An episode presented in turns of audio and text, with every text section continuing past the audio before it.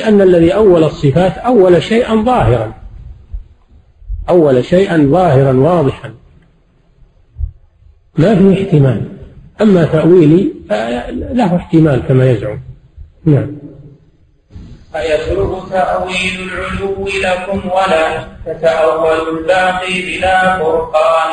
هذا الباطن يخاطب الجهمي والأشعري و يقول ما الفرق بين تأويلي وتأويلكم؟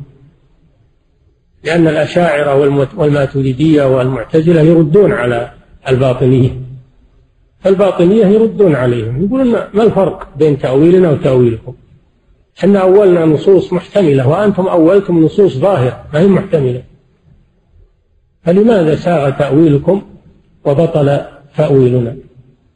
نعم. ولم يسلم من هذا إلا أهل الحق الذين آمنوا بالنصوص وما دلت عليه واعتقدوها ودانوا لله جل وعلا بها. سلموا من هذه الكفريات والضلالات. نعم. الإنسان يحمد الله على على على العافية وعلى الهداية وأنه ما دخل في هذه الترهات والأباطيل. نعم.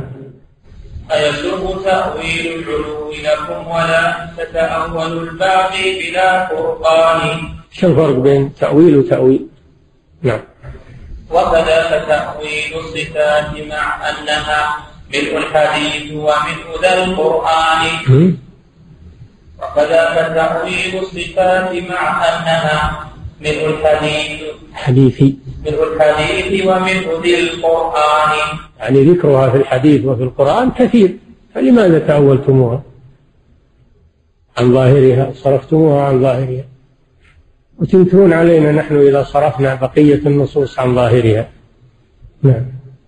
والله تأويل العلو أشد من تأويلنا لقيامة الأبدان تأويل العلو أشد خطرا من تأويل يوم القيامة عند الباطنية لأن العلو يتعلق بالله سبحانه وتعالى. وأدلته أكثر من ألف دليل أو ألفي دليل. ومع هذا أولتموه فهو أشد من تأويل اليوم الآخر لأن المراد به كذا وكذا وكذا. نعم.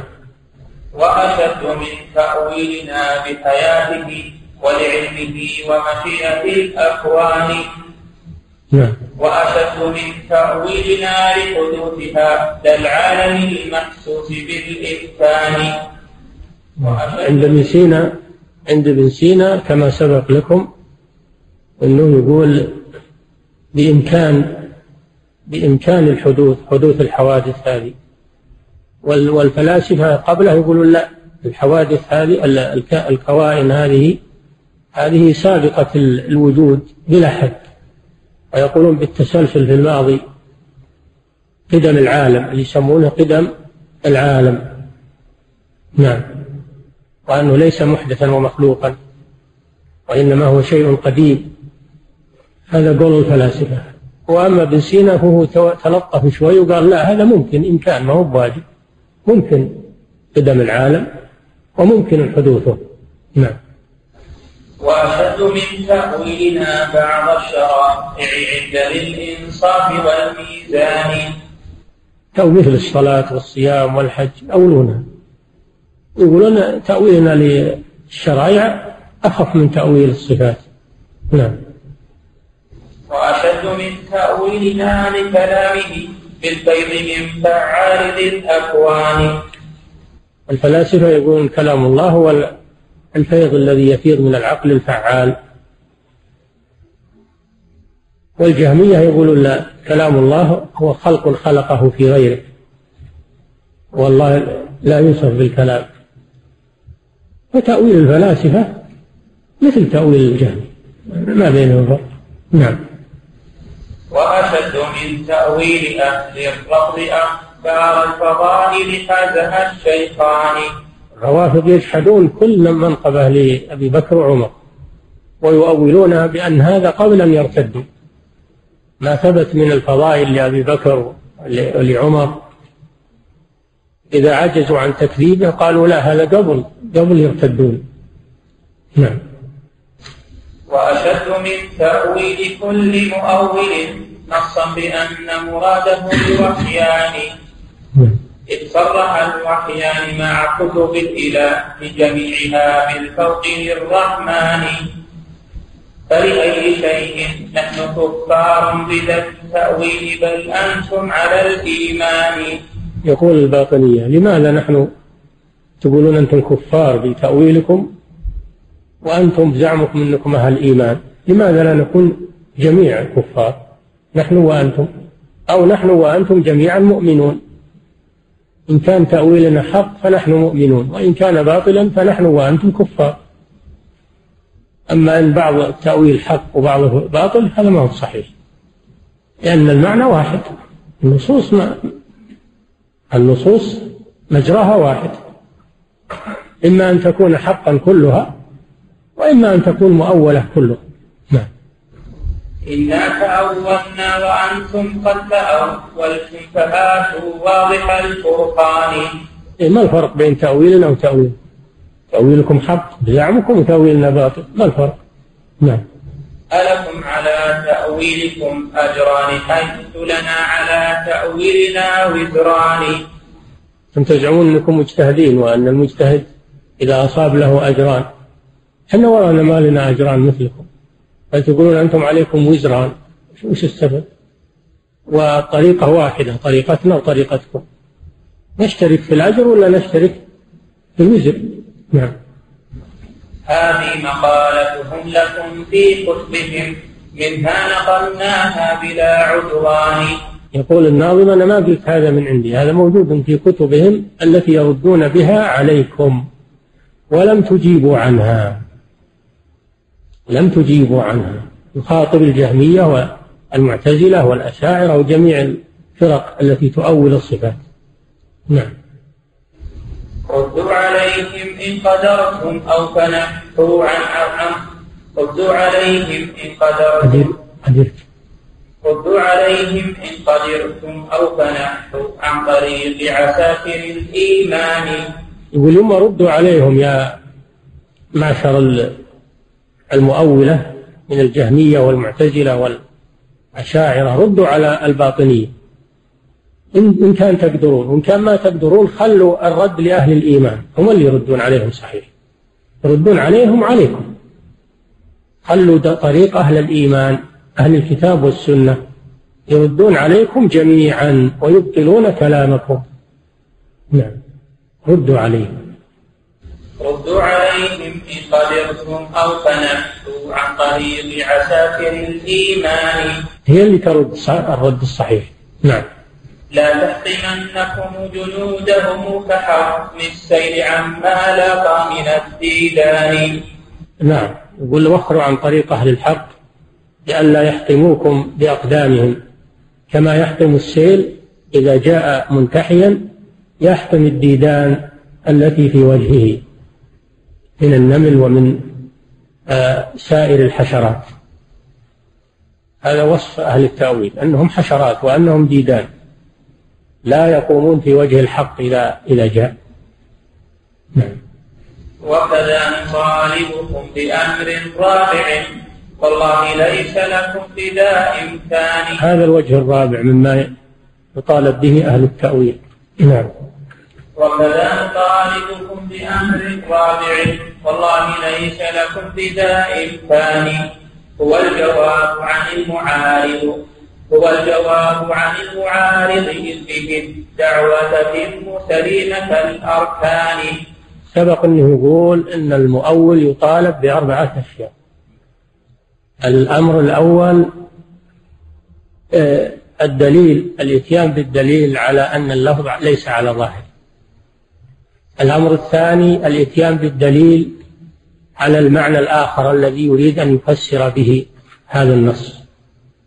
وأن النص وأن هذا اللفظ يحتمل دليل على احتمال هذا اللفظ لهذا المعنى الذي قاله ويريد أن يفسر به النص.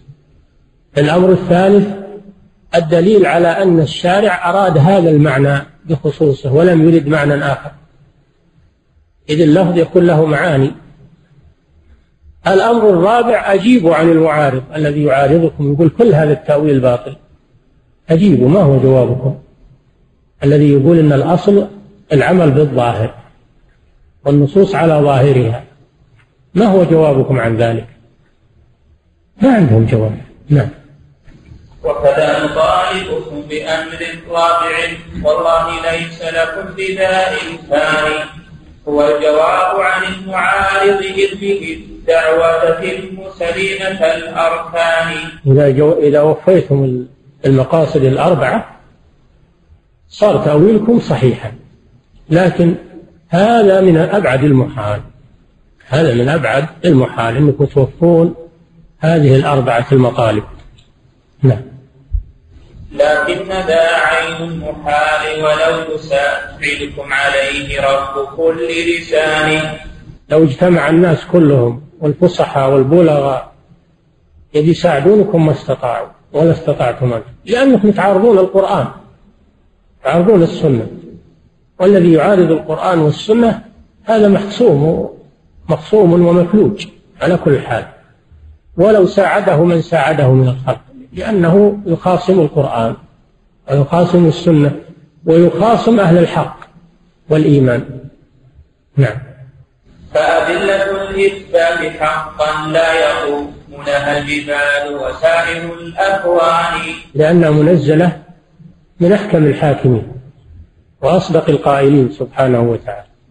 كتاب أحكمت آياته ثم فصلت من لدن حكيم خبير. ها ما فيها حيلة لمحتال أبدا. نعم. فهي مثل كلام البشر. نعم. تنزيل رب العالمين ووحيه مع فطرة الرحمن والبرهان. أن يعارضها كناسة هذه الأذهان بالشبهات والهذيان نعم لا والله. وجعابع وقرابع ما تحتها إلا السراب لوارد ظمآن ما عندكم إلا جعاجع وشبهات وأقاويل آه، وتخرصات وكذب. هذه ما تقاوم ما أنزله الله سبحانه وتعالى. وأخبر أنه لا يأتيه الباطل لا يأتيه الباطل من بين يديه ولا من خلفه. تنزيل من حكيم حميد. نعم. فهو معصوم. نعم. كفاية. تفضل بسم الله الرحمن الرحيم. الحمد لله رب العالمين وصلى الله وسلم على عبده ورسوله نبينا محمد وعلى آله وأصحابه أجمعين. قال النعم رحمه الله تعالى فصل في طريقه ابن سينا وغيره من في التاويل بسم الله الرحمن الرحيم. الحمد لله والصلاة والسلام على رسول الله. وعلى آله وصحبه وبعد. تقدم كلام الإمام ابن القيم في نظمه عن التأويل. والتأويل عند السلف يطلق ويراد به التفسير تفسير المعاني ويطلق ويراد به الحقيقة التي يؤول إليها الشيء والكيفية كيفية الشيء المغيب عنا. كذات الله سبحانه وتعالى وصفاته والجنة والنار هذه لا يعلم كيفيتها إلا الله لأنها غيب من الغيب. ولكن معناها يعرف. وكلا الأمرين يسمى تأويلا عند السلف. تفسير المعنى والكيفية. سمى تأويلا عندهم. عند المتأخرين أضافوا معنى ثالثا للتأويل. وهو صرف اللفظ عن ظاهره عن الاحتمال عن الاحتمال الراجح إلى الاحتمال المرجوح بدليل يقترن بذلك. هذا عند الخلف صرف اللفظ عن ظاهره الراجح إلى معنى آخر مرجوح لدليل. كما فعلوا في صفات الله عز وجل حيث صرفوا تفاسيرها عن ظاهرها إلى معان أخرى. فقالوا المراد باليد القدرة والمراد بالوجه الذات مراد بالرحمة النعمة. هذه معاني أخر غير المعنى الظاهر. يزعمون أن أن هذا هو المراد. بدليل يقترن بذلك. وسبق أن الإمام ابن القيم طالبهم بأربعة أشياء. لا يصح لهم دعواهم إلا بها. متكاملة. أولا الدليل على أن على أن ظاهر اللفظ غير مراد. ما هو؟ ما هو الدليل؟ ثانيا تعيين المعنى الثاني الذي يريدون. ثالثا الدليل على المعنى الثاني. رابعا الجواب عن المعارض. الذي يقول إن المراد هو المعنى الأول المتبادل. فما الجواب عن هذا؟ فإذا تمت لهم هذه الأربعة صح لهم التأويل وانى لهم ذلك. انى لهم إحضار هذه الأمور الأربعة. الدليل على أن هذا الظاهر غير مراد والدليل على والمعنى تعيين المعنى الذي يريدون ولماذا لا يكون المراد غيره؟ ثالثا ما الدليل على المعنى الثاني الذي يريدون؟ رابعا الجواب عن المعارض الذي يعارضهم في هذا الشيء. الذي يعارضهم معه الظاهر. وهم ليس معهم الا دعوى إن هذا الظاهر غير مراد وأن المراد كذا وكذا. فتبين بهذا بطلان تأويلهم وأن نصوص الصفات على ظاهرها والحمد لله. ولا يجوز صرفها عن ظاهره أن هذا من القول على الله بلا علم. ابن سينا الفيلسوف المعروف الطبيب المعروف الذي هو من الإسماعيلية الباطنية هو وأبوه. أبوه كان يهوديا وهو انتسب إلى الإسلام وهو من الباطنية الإسماعيلية. وجمع بين الفلسفة والطب. هذا له كلام في هذه المسألة. يقول هذه النصوص على ظاهرها. كما هي على ظاهرها. ولكن المراد بهذا الظاهر إنما هو التخييل وإلا الحقائق يعني هذا عند الباطنية. الحقائق لا تعرفونها. حقائق يعني الباطنية. الذين لهم يقولون إن القرآن له ظاهر وله باطن. فالظاهر هذا يعرفه يعرفه العوام و وأما الباطن هذا ما يعرفه إلا خواص الباطنية. هو على منهج الباطنية بلا شك. فيقول إن الشارع أراد بهذه النصوص تخيل على الناس لأجل مخاطبتهم بما يعرفون ولم يرد الحقيقة. الحقيقة هذه لا يعرفها إلا أهل الباطن. وهذا إلحاد عظيم والعياذ بالله. نعم. وهذه الطريقة تسمى طريقة التخييل نعم. وأبو سينا بعد ذلك طريقة أخرى لم يأنف من الكفران لم يأنف من الكفران. يعني لا يستحي من الكفر الصريح الذي تبناه وقال به وهو أن نصوص القرآن ونصوص السنة المراد بها التخييل للعوام وليست هي حقائق. هذا أشد الكفر وأشد الإلحاد لكنه لا يأنف من هذا. وكذلك الباطنية هم من الباطنية كلهم كذا. نعم. قال الأمة تخييلا إلى الأذهان تخيلا يعني لا حقيقة. وتقريبا للأذان وإلا فالمقصود الباطن الذي لا يعرفه إلا الباطنية. نعم. عدت عن الإدراك للمعقول إلا بكتاب الحس كالصبيان. نعم. يدرك المعقول في صور من المحسوس مقبولا لذي الأذهان نعم. فتسلط التأويل إبطال فتسلط التأويل وبناية من يقول يقول ابن سينا التأويل ما له داعي. التأويل اللي يقول به المعتزلة والأشاعرة ما له داعي. نقول هذه النصوص على ظاهرها ولكن ظاهرها المراد به التخييل فقط. وأما الحقائق فإنها شيء آخر. نعم.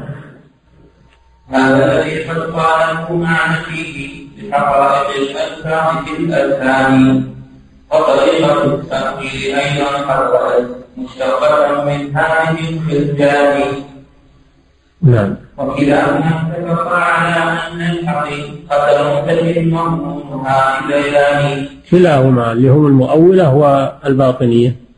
اتفقوا على أن هذه النصوص لا تدل على حقائق. لا تدل على حقائق.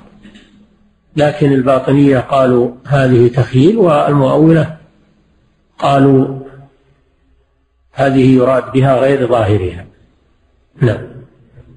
لكن قد استلم عند فريقكم ما من أريد الفرق لكن عندهم أريد ظهورها بالذكر بعلمت من الإحسان المؤولة يقولون ظاهرها غير مراد لله ولا للشارع. ظاهرها غير مراد. وابن سينا يقول لا ظاهرها مراد من أجل التخيل مراد من أجل التخيل نعم. إذا مصلحة المخاطب عندهم خاطب إذا مصلحة المخاطب عندهم وطريقة القرآن أمر ثاني فكلاهما ارتكب أشد بناية جريت على القرآن والإيمان. كلاهما يعني المؤولة والباطنية ارتكبوا جريمة شنيعة في حق القرآن والسنة. إذ عندهم عندها المؤولة أنها ليست على ظاهرها وأن الشارع خاطب الناس بإيهامات وأحاجي وألغاز. لا يريد ظاهرها وإنما يريد معنى آخر غير ظاهرها. والباطنية مثلهم. يقولون لا تدل على حقائق وليست براهين وإنما هي من باب التخيل لأجل مصلحة الناس. مثل ما يقولون الكذب من أجل المصلحة. فهي كذب من أجل المصلحة. نعم. فإذا خاف فأشد بنايكم جريت على القرآن والإيمان. جعلوا النصوص لأهلها غرضا لهم قد قرروا بأسهم الهذيان وتسلم الأوقات والأوقات والأرباب بالتحريف والبهتان. فتحوا الباب لكل متلاعب. يتكلم في كلام الله وكلام رسوله بما يراه بعقله وتفكيره دون علم ودون برهان.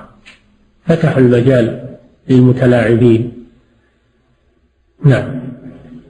كل إذا قابلته بالنص فله بتأويل بلا برهان ويقول تأويلي كتأويل الذي نتأول فوقية الرحمن. الباطنية يقولون تأويلنا مثل تأويلكم أنتم تأولتم فوقية الرحمن وعلوه لأنه علو القدر والذات لا علو بأنه علو القدر والقهر لا علو الذات. ونحن نقول أيضا هذا اللفظ لفظ الفوقية والعلو غير مراد ما يدل عليه وإنما جيء به للتخييل على العوام. فنحن وإياكم متفقون على أن هذه النصوص لا تدل على شيء. نعم. ويقول تأويلي كتأويل الذي نتأول فوقية الرحمن بل دونه حروفها في الوحي نصين الشمس بالسبيان بل نحن أحسن حالا منكم. نحن نقول ما يحتاج إلى تأويل. هذه النصوص تبقى على ظاهرها لكن ليس ليست حقائق وإنما هي تخييل من أجل المصلحة. وأما أنتم تقولون أنها على غير ظاهرها. فأنتم أسوأ حالا منا لأننا قلنا هي على ظاهرها تخييلا وأنتم تقولون لا ليست على ظاهرها. فمعناها أن أن الشارع خاطب الناس بإيهامات. نعم. أيسوء تأويل العلوم لكم ولا تتأول الباقي بلا فرقان ولا أيسوء تأويل العلوم لكم ولا تتأول الباقي بلا فرقان نتأول ولا نتأول. نعم. أيسوء تأويل العلوم لكم ولا نتأول الباقي بلا فرقان نعم. وكذا تأويل الصفات مع أنها الحديث ومنه القرآن الباطنية ما اقتصروا على الأسماء والصفات مثل المعتزلة والجهمية ما اقتصروا على بل أولوا كل الأمور أصول الإيمان.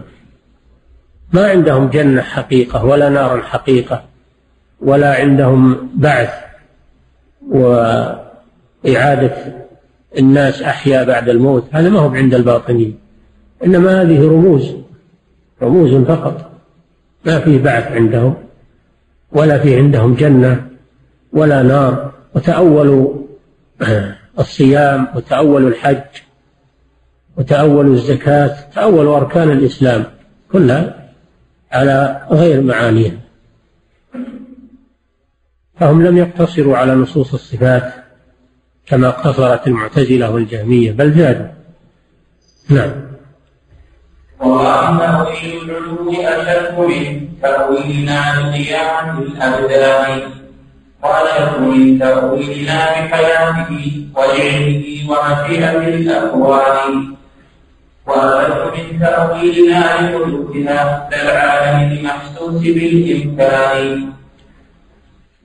هذا سبق أن ابن سينا يقول أن العالم ممكن الحدوث وليس هو واجب الحدوث كما سبق. فهو يقول نحن أحسن حال منكم. يخاطب الجهمية والمعتزلة والمؤولة يقول نحن أحسن حال منكم. أنتم أشد منا بالجناية على النصوص. نعم. وعلى من تأويلنا مع الشرائع عند والميزان. الشرائع يقولون الصلاة المراد بها الدعاء. والصيام كتم الأسرار والحج المراد به زيارة الشيوخ المشايخ فهو المقصود زيارة الكعبة المشرفة إلى غير ذلك. نعم. وألف من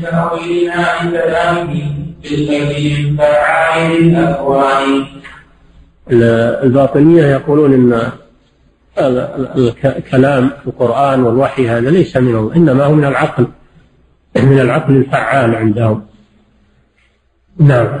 من تأويل أهل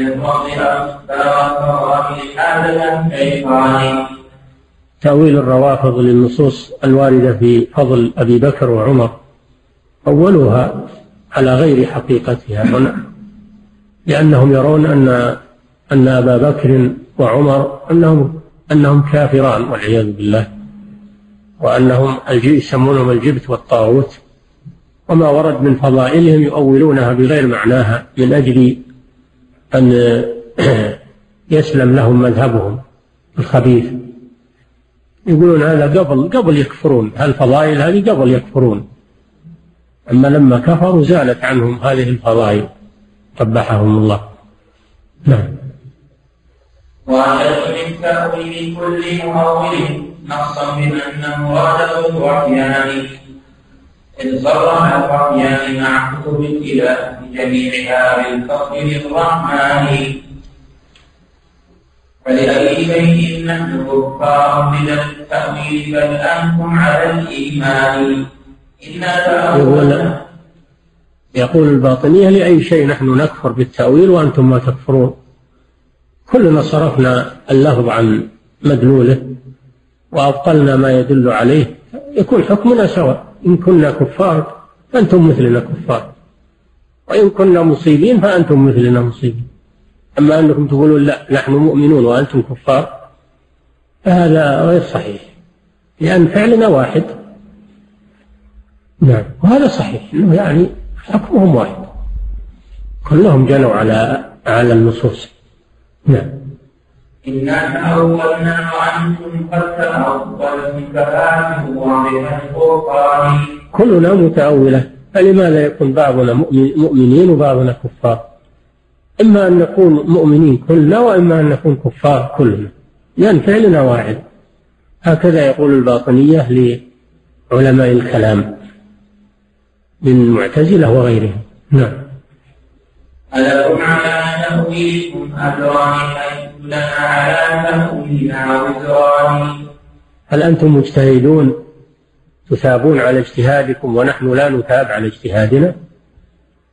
الحكم واحد. نعم. إذا ساغ لكم الاجتهاد وصار لكم أجر فنحن مثلكم. نعم. وإن كان الاجتهاد هذا غير سائغ وعلينا أوزار فالجميع عليهم أوزار نحن وأنتم. نعم. هذه مقالتهم لكم في كتبهم؟ منها نقلناها إلى عدوان من كتب الباطنية. نعم. ردوا عليه إن قتلتم أو فنحكم عن طريق عساكر الإيمان. يقول إما أنتم يا المعتزلة والجهمية ومن تبعكم ردوا على الباطنية. ما قالوه وإلا اتركوا الجواب لأهل السنة والجماعة. هم اللي يجاوبونهم صحيح. ويجاوبونكم أنتم. نعم ردوا. ردوا عليهم إن قدرتم أو فنحتوا عن طريق عذاب الإيمان. لا تأتينهم جنودهم كرحم السيل عما لاقى من الديدان نعم أهل السنة والجماعة سلاحهم الوحي من الكتاب والسنة. وهو أمضى سلاح وأقطع سلاح. فاتركوا الطريق لهم. لا تتعرضوا لهم فيحتموكم كما يحتم السيل ما في طريقه من الديدان من الحشرات والديدان إذا جاء. نعم. فأنتم مثل الديدان والحشرات التي تعترض السيل إذا جاء قويا. وهذا السيل هو الوحي المنزل من عند الله عز وجل. نعم. وكذا نخالفكم بأمر رابع والله ليس لكم بداء ثاني هذا المطالبة بالوجه الرابع. قلنا إن المؤول يطالب بأربعة أشياء. سبق ثلاثة وهذا الرابع. نعم. وكذا نخالفكم بأمر رابع والله ليس لكم بداء ثاني هو الجواب عن مسلمة إذا تممتم هذه الأربعة صحيحة سلمنا لكم وأنا لكم هذا. آخرها الجواب عن المعارض الذي يحتج بالكتاب والسنة ماذا تجيبون أنتم؟ تجيبونه بالعقليات بعلم المنطق بعلم الكلام بالفلسفة؟ هذا كله أشياء باطلة. لا تقابل الوحي في المنزل. من عند الله سبحانه وتعالى. نعم. لكن عين المحال ولو ساعدكم عليه رب كل لسان. هذا عين المحال. ما لكم جواب عن المعارض؟ وأنى لكم ذلك هل تعارضون الوحي؟ هذا ما هو بالإمكان. لو اجتمع البشر كلهم على أن يعارضوا الوحي ما استطاعوا. ولا إن اجتمعت الإنس والجن على أن يأتوا بمثل هذا القرآن لا يأتون بمثله. ولو كان بعضهم لبعض ظهيرا نعم. فإنه الإسلام حقا لا لها الجبال وسائر الأكوان لأنها كلام الله عز وجل. نعم. تنزيل رب العالمين وربه مع فطرة الرحمن والقرآن. أن يعارضها خلافة هذه الشبهات والهذيان هذه الشبهات وهذا الهذيان ما يعارض الوحي ولا يعارض الفطرة التي فطر الله الناس عليها ولا يعارض العقول السليمة والبراهين العقلية السليمة. لا لا تعارضها الشبهات والشكوك والتوهيمات والفلسفات قواعد المنطق. إلى آخره. كل هذه إنما هي سراب بقيع تحسبه الظمآن ماء حتى إذا جاءه لم يجده شيئا. نعم. يفهم كناسة هذه الآن في الشبهات والهذيان وجامع وفراقع ما كتبا إلا السراب لوالد الظمآن. والذين كفروا أعمالهم كسراب بقيعة. يحسبه الظمآن ماء حتى إذا جاءه لم يجده شيئا. فحجج هؤلاء مثل السراب الذي يلمع. إذا رأيته قلت هذه أودية تمشي. هذا هذه أنهار تمشي. إذا صرت عطشان تفرح تقول وصلت الماء. ولا وصلته طارت ما ما لقيت شيء. كذلك حجج هؤلاء مثل السراب. تلمع له لمعان ولها بريق لكن ما لها حقيقة. نعم.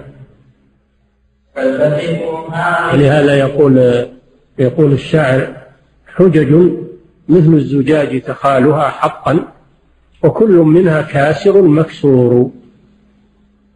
حجج مثل الزجاج يعني تلمع تخالها حقا إذا رأيت لمعانها وكل منها كاسر مكسور يبطل بعضها بعض. يبطل بعضها بعضا ولا يتفقون على شيء. دائما هم في صراع بعضهم يرد على بعض. لأنهم ما يتكلمون بوحي منزل وإنما يتكلمون بعقولهم وأفكارهم. والأفكار تختلف والعقول تختلف. وأيضا العقول قاصرة ما تصل إلى إلى الحقيقة من من كل وجه. لا سيما في هذه المطالب العظيمة. هذه ما للعقول فيها إدراك ولا. هذه من من علم الغيب الذي لا يعلمه إلا الله سبحانه وتعالى. نعم. فلتكن عن علوم الله ذكرت لكم عن تابع الإحسان. بل عن مشايخهم جميعا ثم وقفتم لها بعد طول زمان. نعم. فلتانكم فلتكن عن علوم الله ذكرت لكم عن تابع الإحسان. لسانكم هذه الجعجعات والفلسفات والعلم الكلام والمنطق التي ورثتموها وحرم منها أهل الإيمان بزعمكم. يعني كأنها ادخرت لكم أنتم. وأهل الإيمان وأهل القرآن وأهل السنة حرموا منها بزعمكم. هم هكذا يقولون.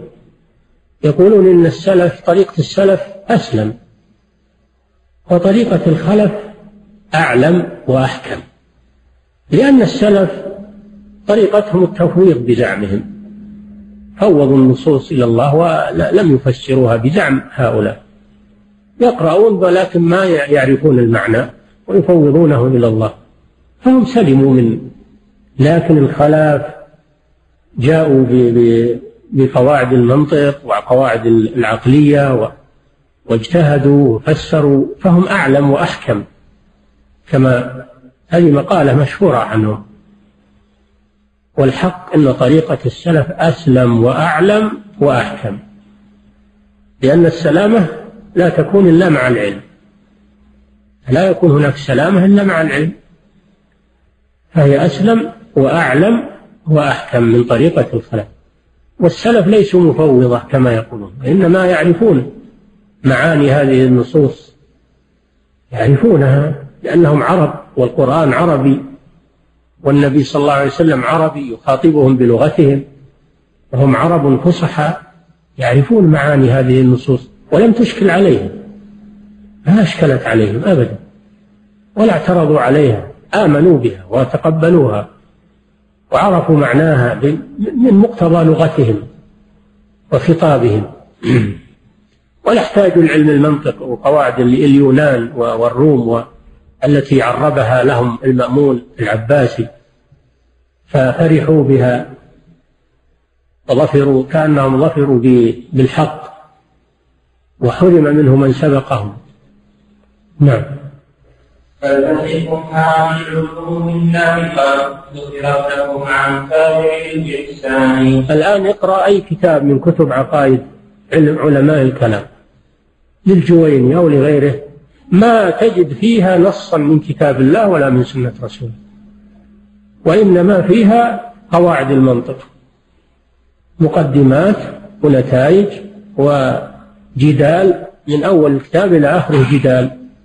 إن قالوا كذا قلنا كذا وإن قيل كذا قلنا ما فيه أي نص من الكتاب والسنة. لأنهم يرون أن نصوص الكتاب والسنة لا تفيد اليقين. ولا يستدل بها على العقائد. إنما يستدل بالعقليات. لذلك خلت كتبهم من النصوص القرآنية أو الأحاديث النبوية. وإنما هي كلها قواعد المنطق وجدليات علماء الكلام. وكل واحد يرد على الثاني. ولم يتوصلوا إلى نتيجة والحمد لله. نعم كل واحد يرى أن الثاني مخطئ وأنه ضال وأنه أو يكفره. نعم. بل عم الشايخ جميعا ثم وقف ثم وقفتم نعم. بل عم فلتهنكم فلتهنكم فلتهنكم. هذه العلوم لله قد ذكرت لكم عن تابع الإحسان. ذكرت لكم أنتم خاصة وحرم منها تابع الإحسان وهم السلف الصالح. نعم. هذا من باب من باب التهكم به. قوله فلتهنكم هذا من باب التهكم بهم. نعم. فلتهنكم هذه العلوم اللائقة ذكرت لكم عن تابع الإحسان. يعني يعني السلف بما فيهم الصحابة والخلفاء الراشدون والتابعون وأتباع التابعين والقرون المفضلة كلهم ما خاضوا في هذه العلوم ولا ولا ولا ألقوا لها بالا. وإنما أنتم تبنيتموها بعدهم فمعناها أنكم خير منهم خير من أبي بكر وعمر وعثمان وعلي والعشرة وبقية الصحابة. والتابعين لهم والقرون المفضلة. أنتم معناه أنكم خير منهم على كلامكم لأن السلف ما تكلموا بهذه الأشياء ولا عرفوها وإنما كلامهم بالكتاب والسنة. نعم. فتهلكم هذه العلوم ذكرت لكم عن تابع الإحسان بل عن جميعا ثم ما عرفها الإمام أحمد ولا ولا قبله الإمام أبو حنيفة ولا مالك ولا الشافعي ولا الزهري ولا سفيان الثوري ولا أئمة التابعين. ما عرفوها. وأتباع التابعين. ما عرفوا هذه الجعاجة. فمعناه أنكم خصكم الله بهذا العلم بعدهم. نعم. والله ما ذكرت لكم لفضيلة لكم عليهم يا النقصان هذا دليل على أن, أن, أن أنكم أراد الله بكم شرا حيث إنها ادخرت لكم خاصة الله أعطاهم العلم وأنتم أعطاكم هذه الأشياء التي هي ضرر محض ولا فائدة فيها. فادخارها لكم علامة على شقاوتكم. نعم.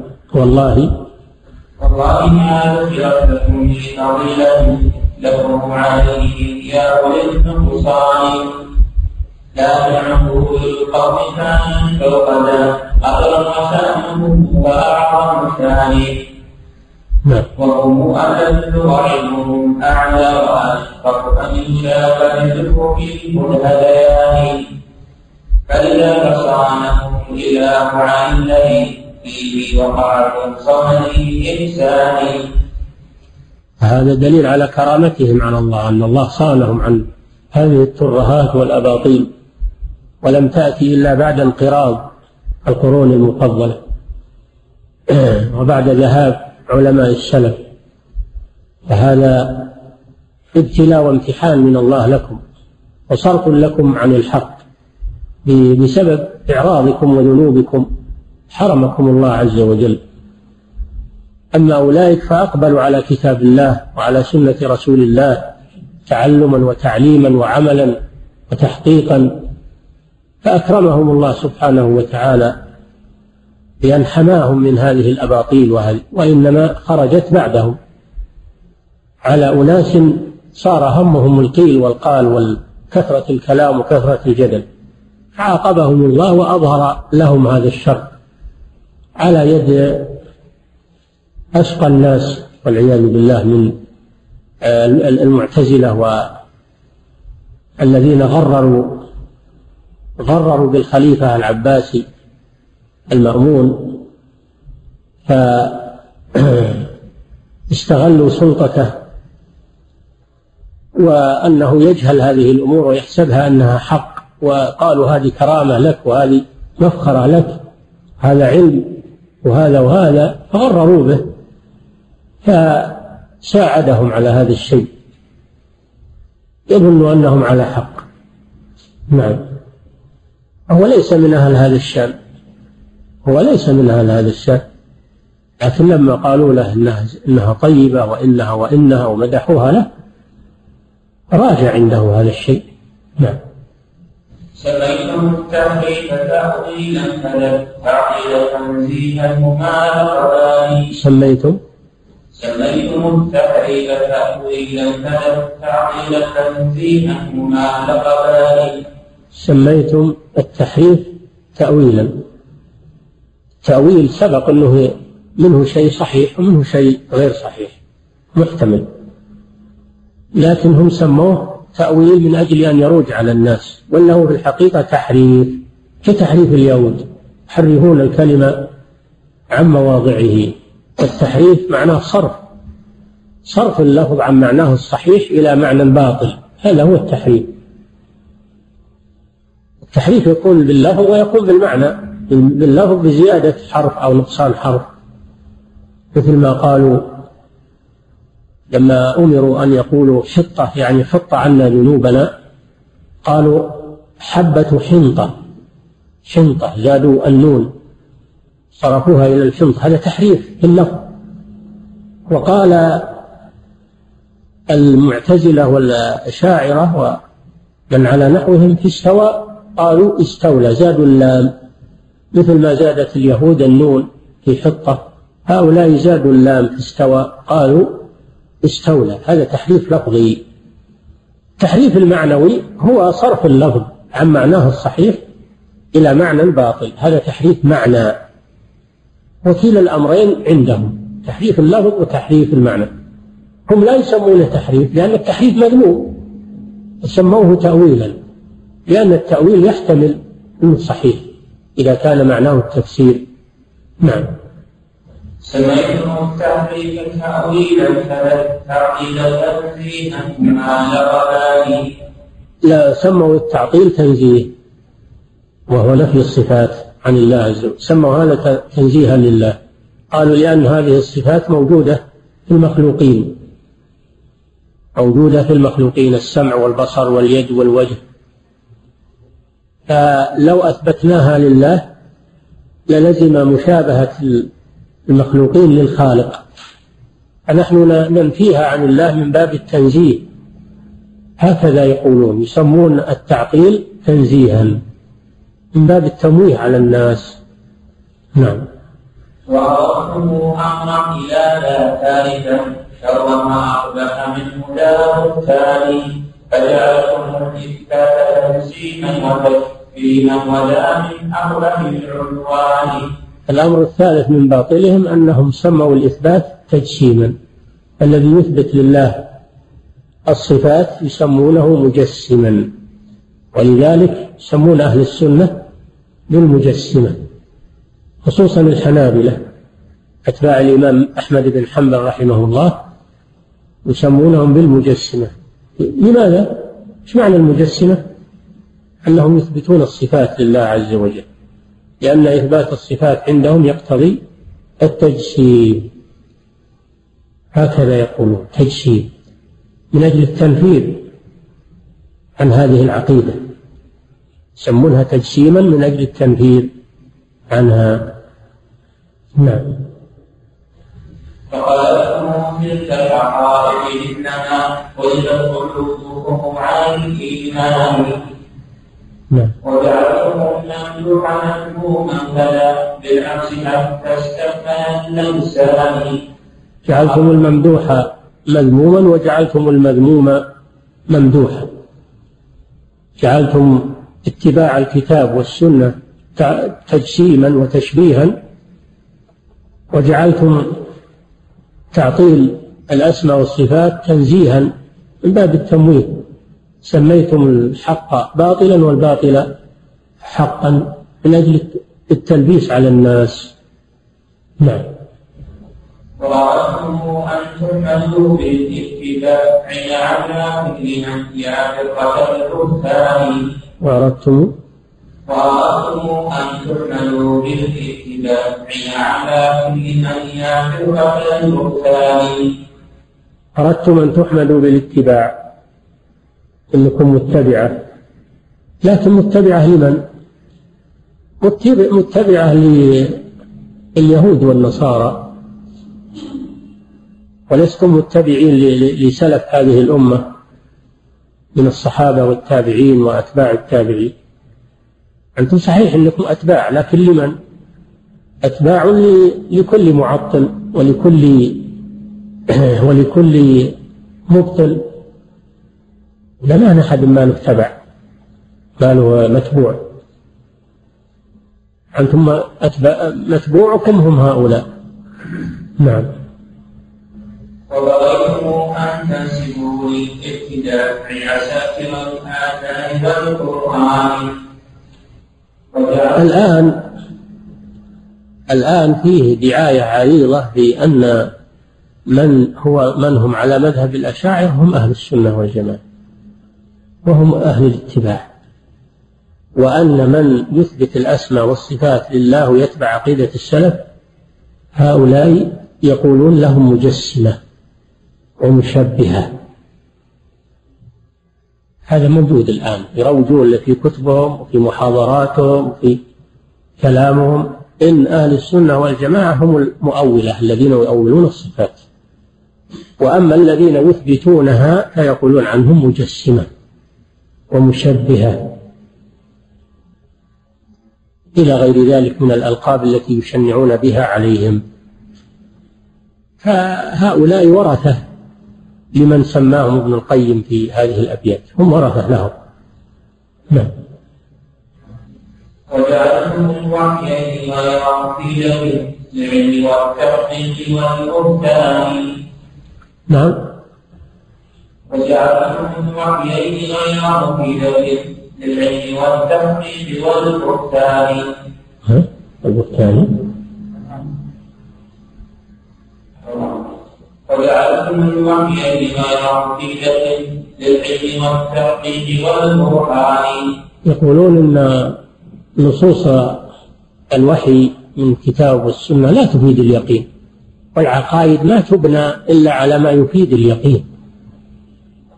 فنصوص السمع يسمونها السمع يعني المراد بالسمع الكتاب والسنة يسمونه السمع. يقولون هذا ما يفيد اليقين والعقائد ما تبنى إلا على ما يفيد اليقين. والذي يفيد اليقين عندهم هو العقليات.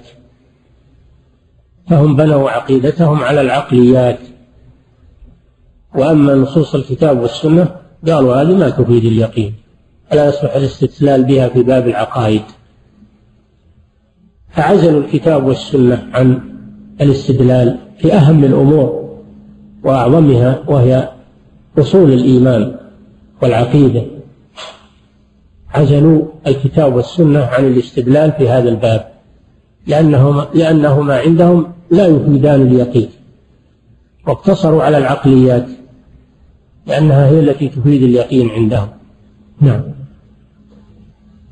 وجعلتم الوحيين غير مفيدة للعلم والتحقيق والبرهان لكن نقول الناكبين عن الهدى لهما تفيد ونقل باليونان نعم وجعلتم الوحيين غير مفيدة للعلم والتحقيق والبرهان لكن عقول الناكبين عن الهدى لهما تفيد ونقل باليونان يقولون الذي يفيد هو علم المنطق.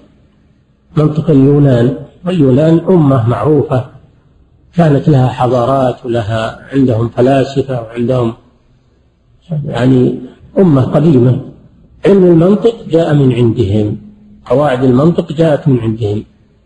جاءت بكتب أعجمية فعربت. فصارت عربية. فاعتنقها هؤلاء وفرحوا بها واستغنوا بها عن الكتاب والسنة. وزعموا أنها تفيد اليقين. وأما الكتاب والسنة فإنما يفيدان الظن عندهم. غلبة الظن أو الظن هكذا يقولون. هذا ما بنوا عليه عقائدهم. على أمرين. الأمر الأول أن الكتاب والسنة لا يفيدان العلم. ولا اليقين. الأمر الثاني أن قواعد المنطق هي التي تفيد اليقين. فنتج عن ذلك أنهم بنوا عقائدهم على قواعد المنطق وأعرضوا عن الكتاب والسنة. الآن راجعوا كتبهم ما تجدون فيها شيء من النصوص. وإنما تجدون فيها الجدال علم الجدل علم الكلام. وإن ذكروا شيء من النصوص فإنما هو للتبرك بزعمهم أو لأجل تغطية فقط. نعم. وجعلهم الإيمان والهدى على الضلالة ودائما الطغيان جعلتم الهدى كفرا والضلال حقا. وهكذا من زاغ قلبه فإنه يتصور هذا التصور. تنعكس الأمور.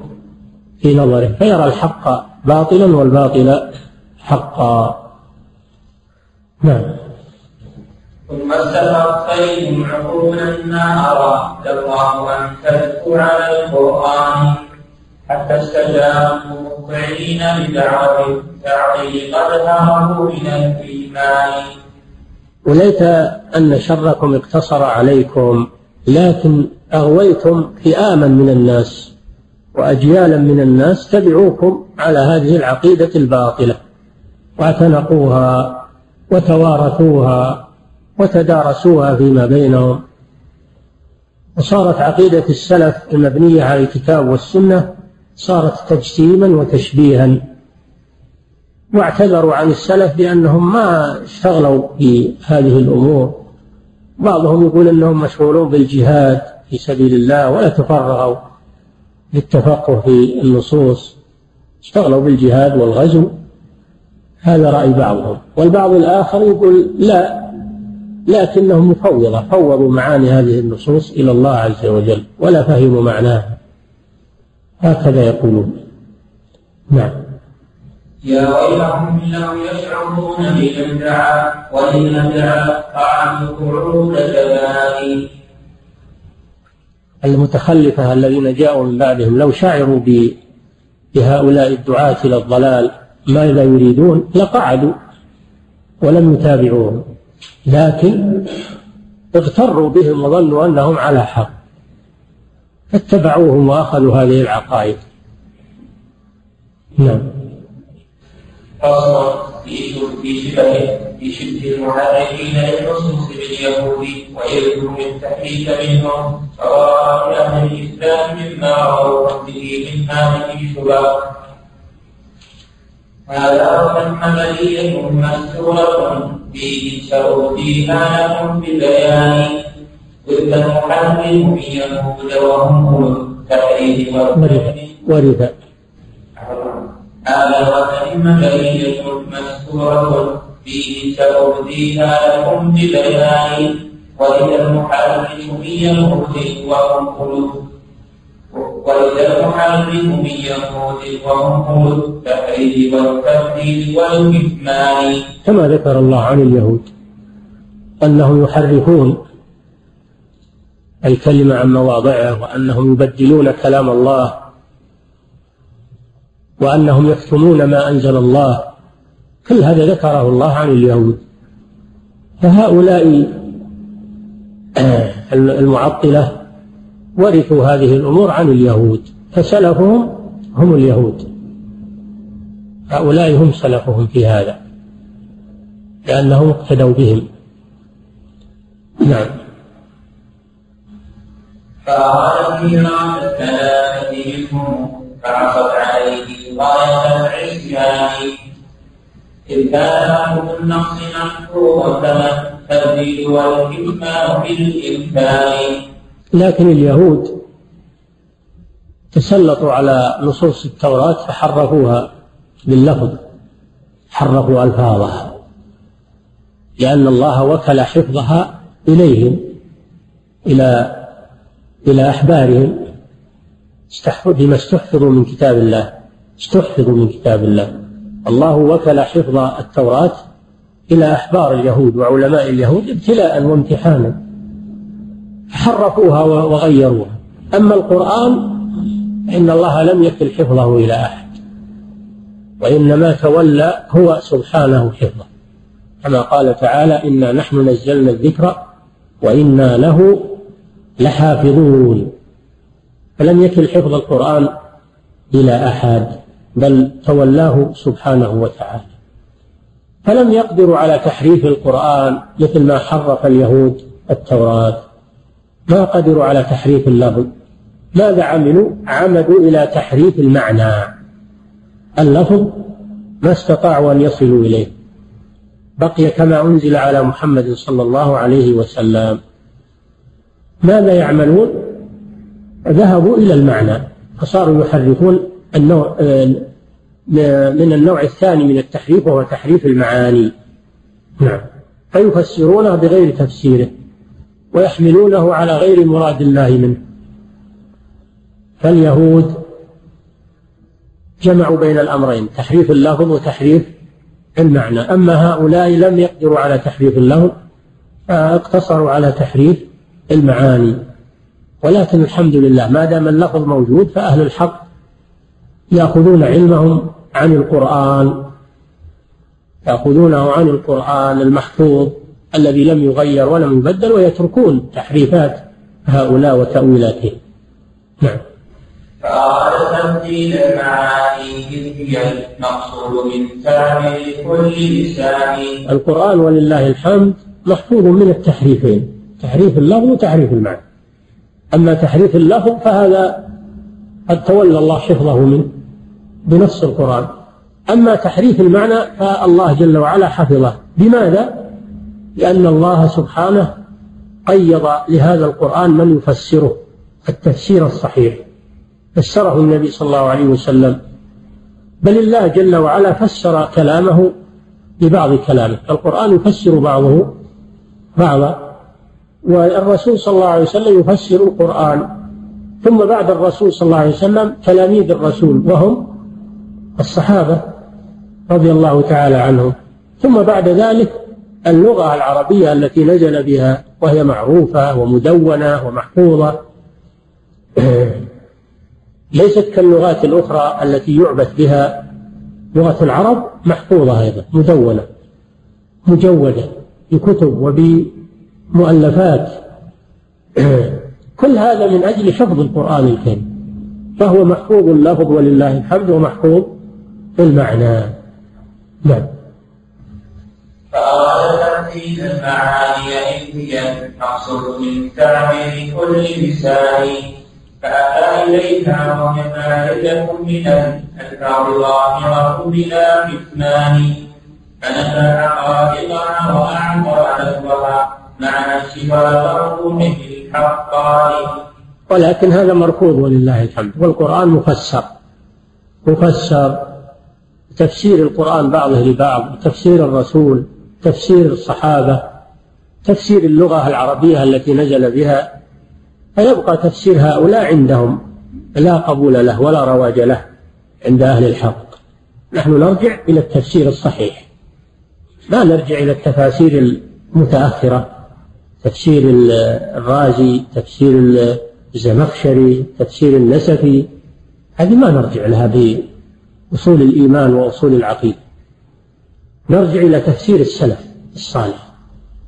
وهي هو متوفر ولله الحمد.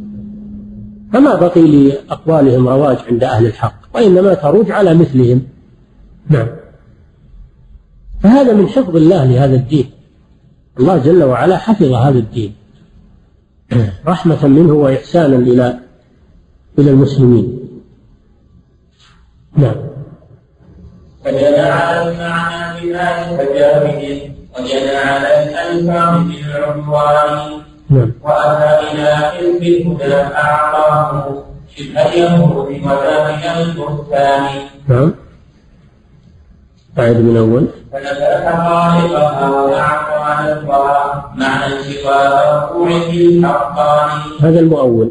نعم. فجنى على المعنى بناية جاهد وجنى على الألفاظ بالعنوان فسرها بغير تفسيرها. نعم.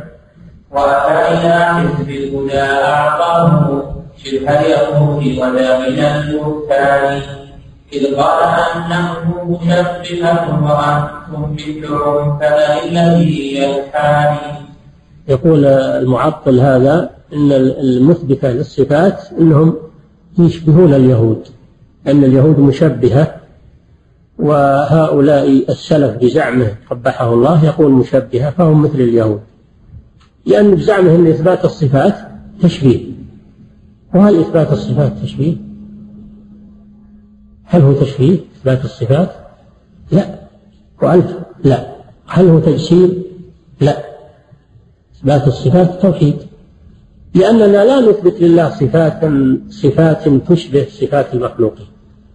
وإنما نثبت لله صفات تليق به سبحانه وتعالى. لا مشابهة بينه وبين خلقه سبحانه وتعالى. نحن لسنا مشبهة كما يقول هؤلاء. نحن ولله الحمد موحدون نؤمن بكتاب ربنا وسنة نبينا وليس إثبات الصفات تشبيها بل هو التوحيد. ولهذا يقول نعيم بن حماد شيخ البخاري رحمهما الله يقول من شبه الله بخلقه فقد كفر ومن عطل الله من صفاته فقد كفر وليس فيما وصف الله به نفسه أو وصفه به رسوله تشبيه. هذه قاعدة عظيمة. فالمعطلة كفار والمشبهة كفار والتوحيد هو إثبات الأسماء والصفات على ما يليق بالله سبحانه وتعالى من غير تشبيه ومن غير تعطيل على حد قوله تعالى ليس كمثله شيء وهو السميع البصير. نعم. إذ قال أنهم مشبهة وأنتم مثلهم فمن الذي يلحاني؟ يعني من الذي يلومني؟ إذا قلت أن مثبتة الصفات مشبهة من الذي يلحان؟ يعني من الذي يلوم؟ نعم. في لفظ أمثال اليهود وشبههم بفرقة التحريف للقرآن يا مسلمين بحق ربكم اسمعوا قولي وشوفوا وعي عرفاني من يقول ابن القيم الآن انتهى من من حكاية كلامهم. هو يريد أن يوجه المسلمين. يا مسلمين. ها؟ نعم. يا مسلمين بحق ربكم اسمعوا قولي وروه وعيني بعرفاني ثم احكموه من بعد أن دل ثم احكموا من بعد من هذا الذي أولى بهذا الشرك بالقرآن. من هو الذي أولى بالشبه باليهود؟ هل هم أهل السنة والجماعة أو المعطلة؟ لا شك أن الأولى هم المعطلة. نعم. اليهود بأن يقولوا حقة فأبوا وقالوا حقة لإيواني هذا تحريف لفظ. أمروا بأن يقولوا ادخلوا الباب سجدا وقولوا شطة يعني حط عنا خطايانا. حرفوها من الدعاء والاستغفار إلى كلام إلى كلام سامج. قالوا حطة حنطة الذي هي الأكل. يريدون الأكل أصحاب بطون وأصحاب شهوات. قالوا حنطة. واستهزاء بكلام الله عز وجل. نعم. من هو اللي يشابه اليهود؟ هل هو أهل السنة ولا المعطلة من هذه الأمة؟ نعم. وكذلك الجبريل قيل له استوى فأبى وزاد الحرف للنقصان إذا من هو. اللي يشبه اليهود؟ اللي قال استولى بدل استوى. مثل ما قالت اليهود حنطة بدل حنطة بدل شقة. من هو الذي يشبه اليهود؟ أليس هو الجهمي؟ نعم. وكذلك الجهمي قيل له استوى فأبى وزاد الحرف للنقصان وزاد اللام قال استولى. نعم. قال استوى استولى وكان من جهله لغة وعقلا ما هما سيان. ليس استوى يساوي استولى بينهما فرق فرق عظيم. نعم. عشرون وأن تبطل التأويل باستولى فلا تخرج عن القرآن. عشرين وجه. تبطل هذا التأويل تأويل استوى باستولى. ذكرها شيخ الإسلام ابن تيمية في مجموع الفتاوى. زاد عليها ابن القيم عشرين صارت أربعين وجه. تبطل تفسير استوى باستولى. نعم. عشرون وجها تبطل التأويل باستولى فلا تخرج عن القرآن قد أخرجت بمصنف هو عندنا تصنيف حافظ عالم ورباني يعني شيخ الإسلام ابن تيمية وهذا موجود في الفتاوى. نعم. ولقد ذكرنا أربعين طريقة قد أبطلت هذا بحسن بيان زاد عليها ابن القيم رحمه الله في كتابه اجتماع الجيوش الإسلامية عشرين وجه صارت أربعين وجه. نعم. ولقد ذكرنا أربعين طريقة قد هذا بحسن بيان هي في الصواعق نعم لا في الصواعق. أنا غلطت في اجتماع الجيوش. لا هي في الصواعق المرسلة على الجهمية والمعطلة. لكن مع الأسف هذا الكتاب مفقود أكثره والموجود الآن هو المختصر مختصر الصواعق. المطبوع الآن مختصر الصواعق. ووجدوا ووجدوا مقدار النصف من الأصل وطبعوه لكن بقيته لا تزال معدومة نعم. ولقد ذكرنا أربعين طريقة أفضلت هذا من حسن بيان هي في الصواعق تريد تحقيقها لا تختفي إلا على العميان. نور اليهود ولا مجهديهما في وهي رب العبد زائدتان. نون اليهود حنطة في حنطة ولام الجهمية في استولى استوى. هما في كتاب الله زائدتان ليستا من كتاب الله. فمن الذي يشبه اليهود إذا الذي يشبه اليهود هم الجهمية. والجهمية هم شيوخ هذه الطوائف. كلها انحدرت من من الجهمية. المعتزلة الأشاعرة الماتريدية كل المؤولة منحدرون من الجهمية. نعم. وكذلك الجهمي عقل وصفه ويبدو قد وصفه بالنقصان فهما من الدين في مثل صفاته كما بينته اليهود شبهوه بالخلق وهؤلاء عطلوا صفاته سبحانه وتعالى ونفوها فهما سيان نعم. الله تعالى أعلم وصلى الله وسلم على نبينا بسم الله الرحمن الرحيم. الحمد لله رب العالمين وصلى الله وسلم على عبده ورسوله نبينا محمد وعلى آله وأصحابه أجمعين. قال الناظم رحمه الله تعالى فصل في بيان مختلف في تشبيه أهل الاسلام بفرعون وقوله إنما قالت العلوم بأنه أخذها وأنهم أولاد فرعون وهم أشباه بسم الله الرحمن الرحيم. الحمد لله والصلاة والسلام على رسول الله. من جملة مغالطات الجهمية ومن سار على نهجهم في تأويل الصفات أنهم يزعمون أن من يثبت العلو لله سبحانه وتعالى فإنه قد أخذ بقول فرعون لأن فرعون يظن أن الله في العلو ولذلك قال لهامان ابن لي صرحا لعلي أبلغ الأسباب أسباب السماوات فأطلع إلى إله موسى وإني لأظنه كاذبا لأن موسى لما دعاه إلى عبادة الله له لا شريك له. وأثبت ربوبية الله سبحانه وتعالى. ظن فرعون أن الله في السماء فبنى هذا الصرح أو أراد بناءه. فالذين يثبتون العلو هم على هذا المذهب بزعم الجهم وأتباعه. وهذا في الحقيقة من قلب الحقائق.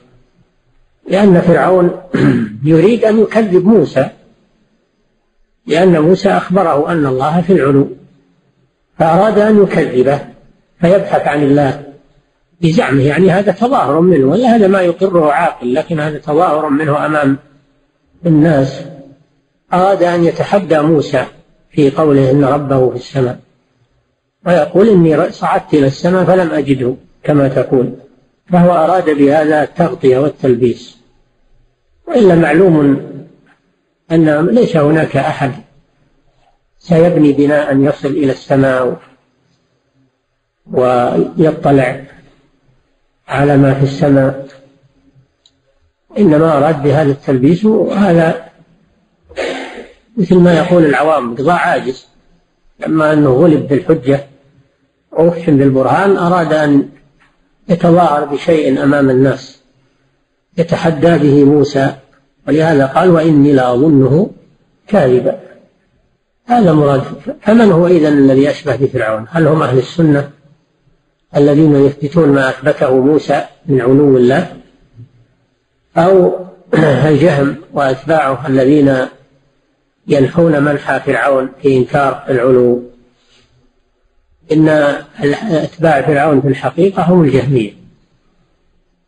لأن فرعون أنكر علو الله وتحدى موسى وأراد أن يصعد إلى السماء بزعمه لإبطال ما قاله موسى عليه السلام لأنه يقول ما علمت لكم من إله غيري ما يؤمن بوجود رب في ظاهره فكيف يذهب يبحث عنه في السماء؟ ولكنه يريد المغالطة فقط. والتظاهر بتكذيب موسى عليه الصلاة والسلام. فاتضح من هذا أن أتباع فرعون على الحقيقة هم الجهمية. فإنهم يلزمهم الأمران يلزمهم إنكار آه، العلو وإنكار إنكار وجود الرب أولا تعطيل المخلوقات من خالقها وإنكار العلو. فهم على هذا المذهب. هذا واضح. لكن المغالطة فمغالطتهم مثل مغالطة فرعون سواء يضحك من العقلاء. نعم.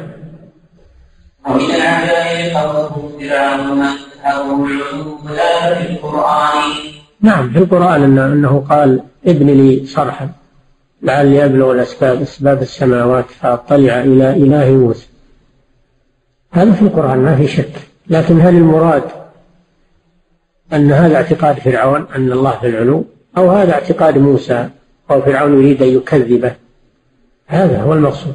نعم. ومن العجائب قوله فرعون أو العلو ولا في القرآن وإذا تفقنا الصعود إليه بالصرف الذي قد رأى من هامان هذا رأيناه بكتبهم ومن أبوابهم سمعا إلى الآذان. يقول ابن القيم رحمه الله هذا رأيناه بكتب الجهمية. هذه المقالة التي يزعمون أن أهل السنة في إثباتهم العلو على مذهب فرعون رأيناها في كتبهم مكتوبة مؤلفات. وسمعناه منه مشاف منهم مشافهة في مجالسهم ودروسهم. نعم. فاسمع إذا من ذا الذي أولى عون المعطل جابر الرحمن انظر إلى من قال موسى كاذب حين ادعى أرضية الرحمن. فمن المصائب أن فرعونيكم أرى يكفر صاحب الإيمان. فرعونيكم يعني الجهمية وفرعوني الجهمية هو الجهم بن صفوان لأنه إمامهم. فهو فرعوني يعني على مذهب فرعون جهم بن صفوان. يكفر أهل الإيمان الذين يثبتون علو الله على عرشه وينكرون ذلك كما ينكره فرعون. نعم. ومن المصائب أن فرعون يكون أرحى يكفر صاحب الإيمان ويقول ذاك مبكر للدين عند الفساد ولا من البهتان يقول إن أهل السنة يفسدون في الأرض وينشرون العقائد الفاسدة لأنهم يثبتون العلو. والصفات لله عز وجل وهذا في نظره فساد في الأرض. كما قال فرعون ذروني أقتل موسى وليدعو ربه إني أخاف أن يبدل دينكم أو أن يظهر في الأرض الفساد. هذا فرعون يصف موسى بأنه مفسد وأنه يريد أن يبدل دينهم. فكذلك الجهمية تقول إن أهل السنة مفسدون في الأرض. ويريدون أن يبدلوا دين الإسلام. وهذا الحقيقة بهم ألصق. وكما يقال رمتني بدائها وانسلت. فهذا هذا هو مذهبهم هم. هم المفسدون في الأرض وهم الذين يريدون أن يبدلوا الدين. نعم. إن المؤسسة لهم فرعون في نغمه المولود من عمران نعم. فرعون رمى موسى بن عمران بهذا قال إني أخاف أن يبدل دينكم أو أن يفسد أو أن يظهر في الأرض الفساد. ففرعون أصبح واعظ. كما يقال فرعون أصبح واعظا. يعظ الناس أنهم يتمسكون بالدين وأنهم وأنهم يحذرون من الفساد في الأرض. كذلك الجهمية تظاهروا بهذا تظاهروا بالوعظ. وأنهم يخافون على دين المسلمين من الإفساد من, من أهل السنة ويخافون على تبديل الدين من أهل السنة هذا من قلب الحقائق.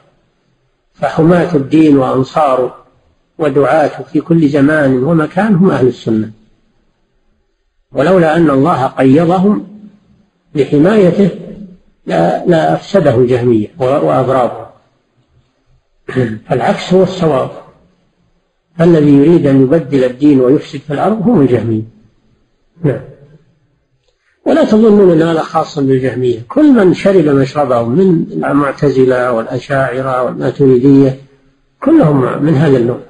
كل من يحرف النصوص ويؤول آيات الصفات كلها أو بعضها كلهم على هذا المذهب. نعم.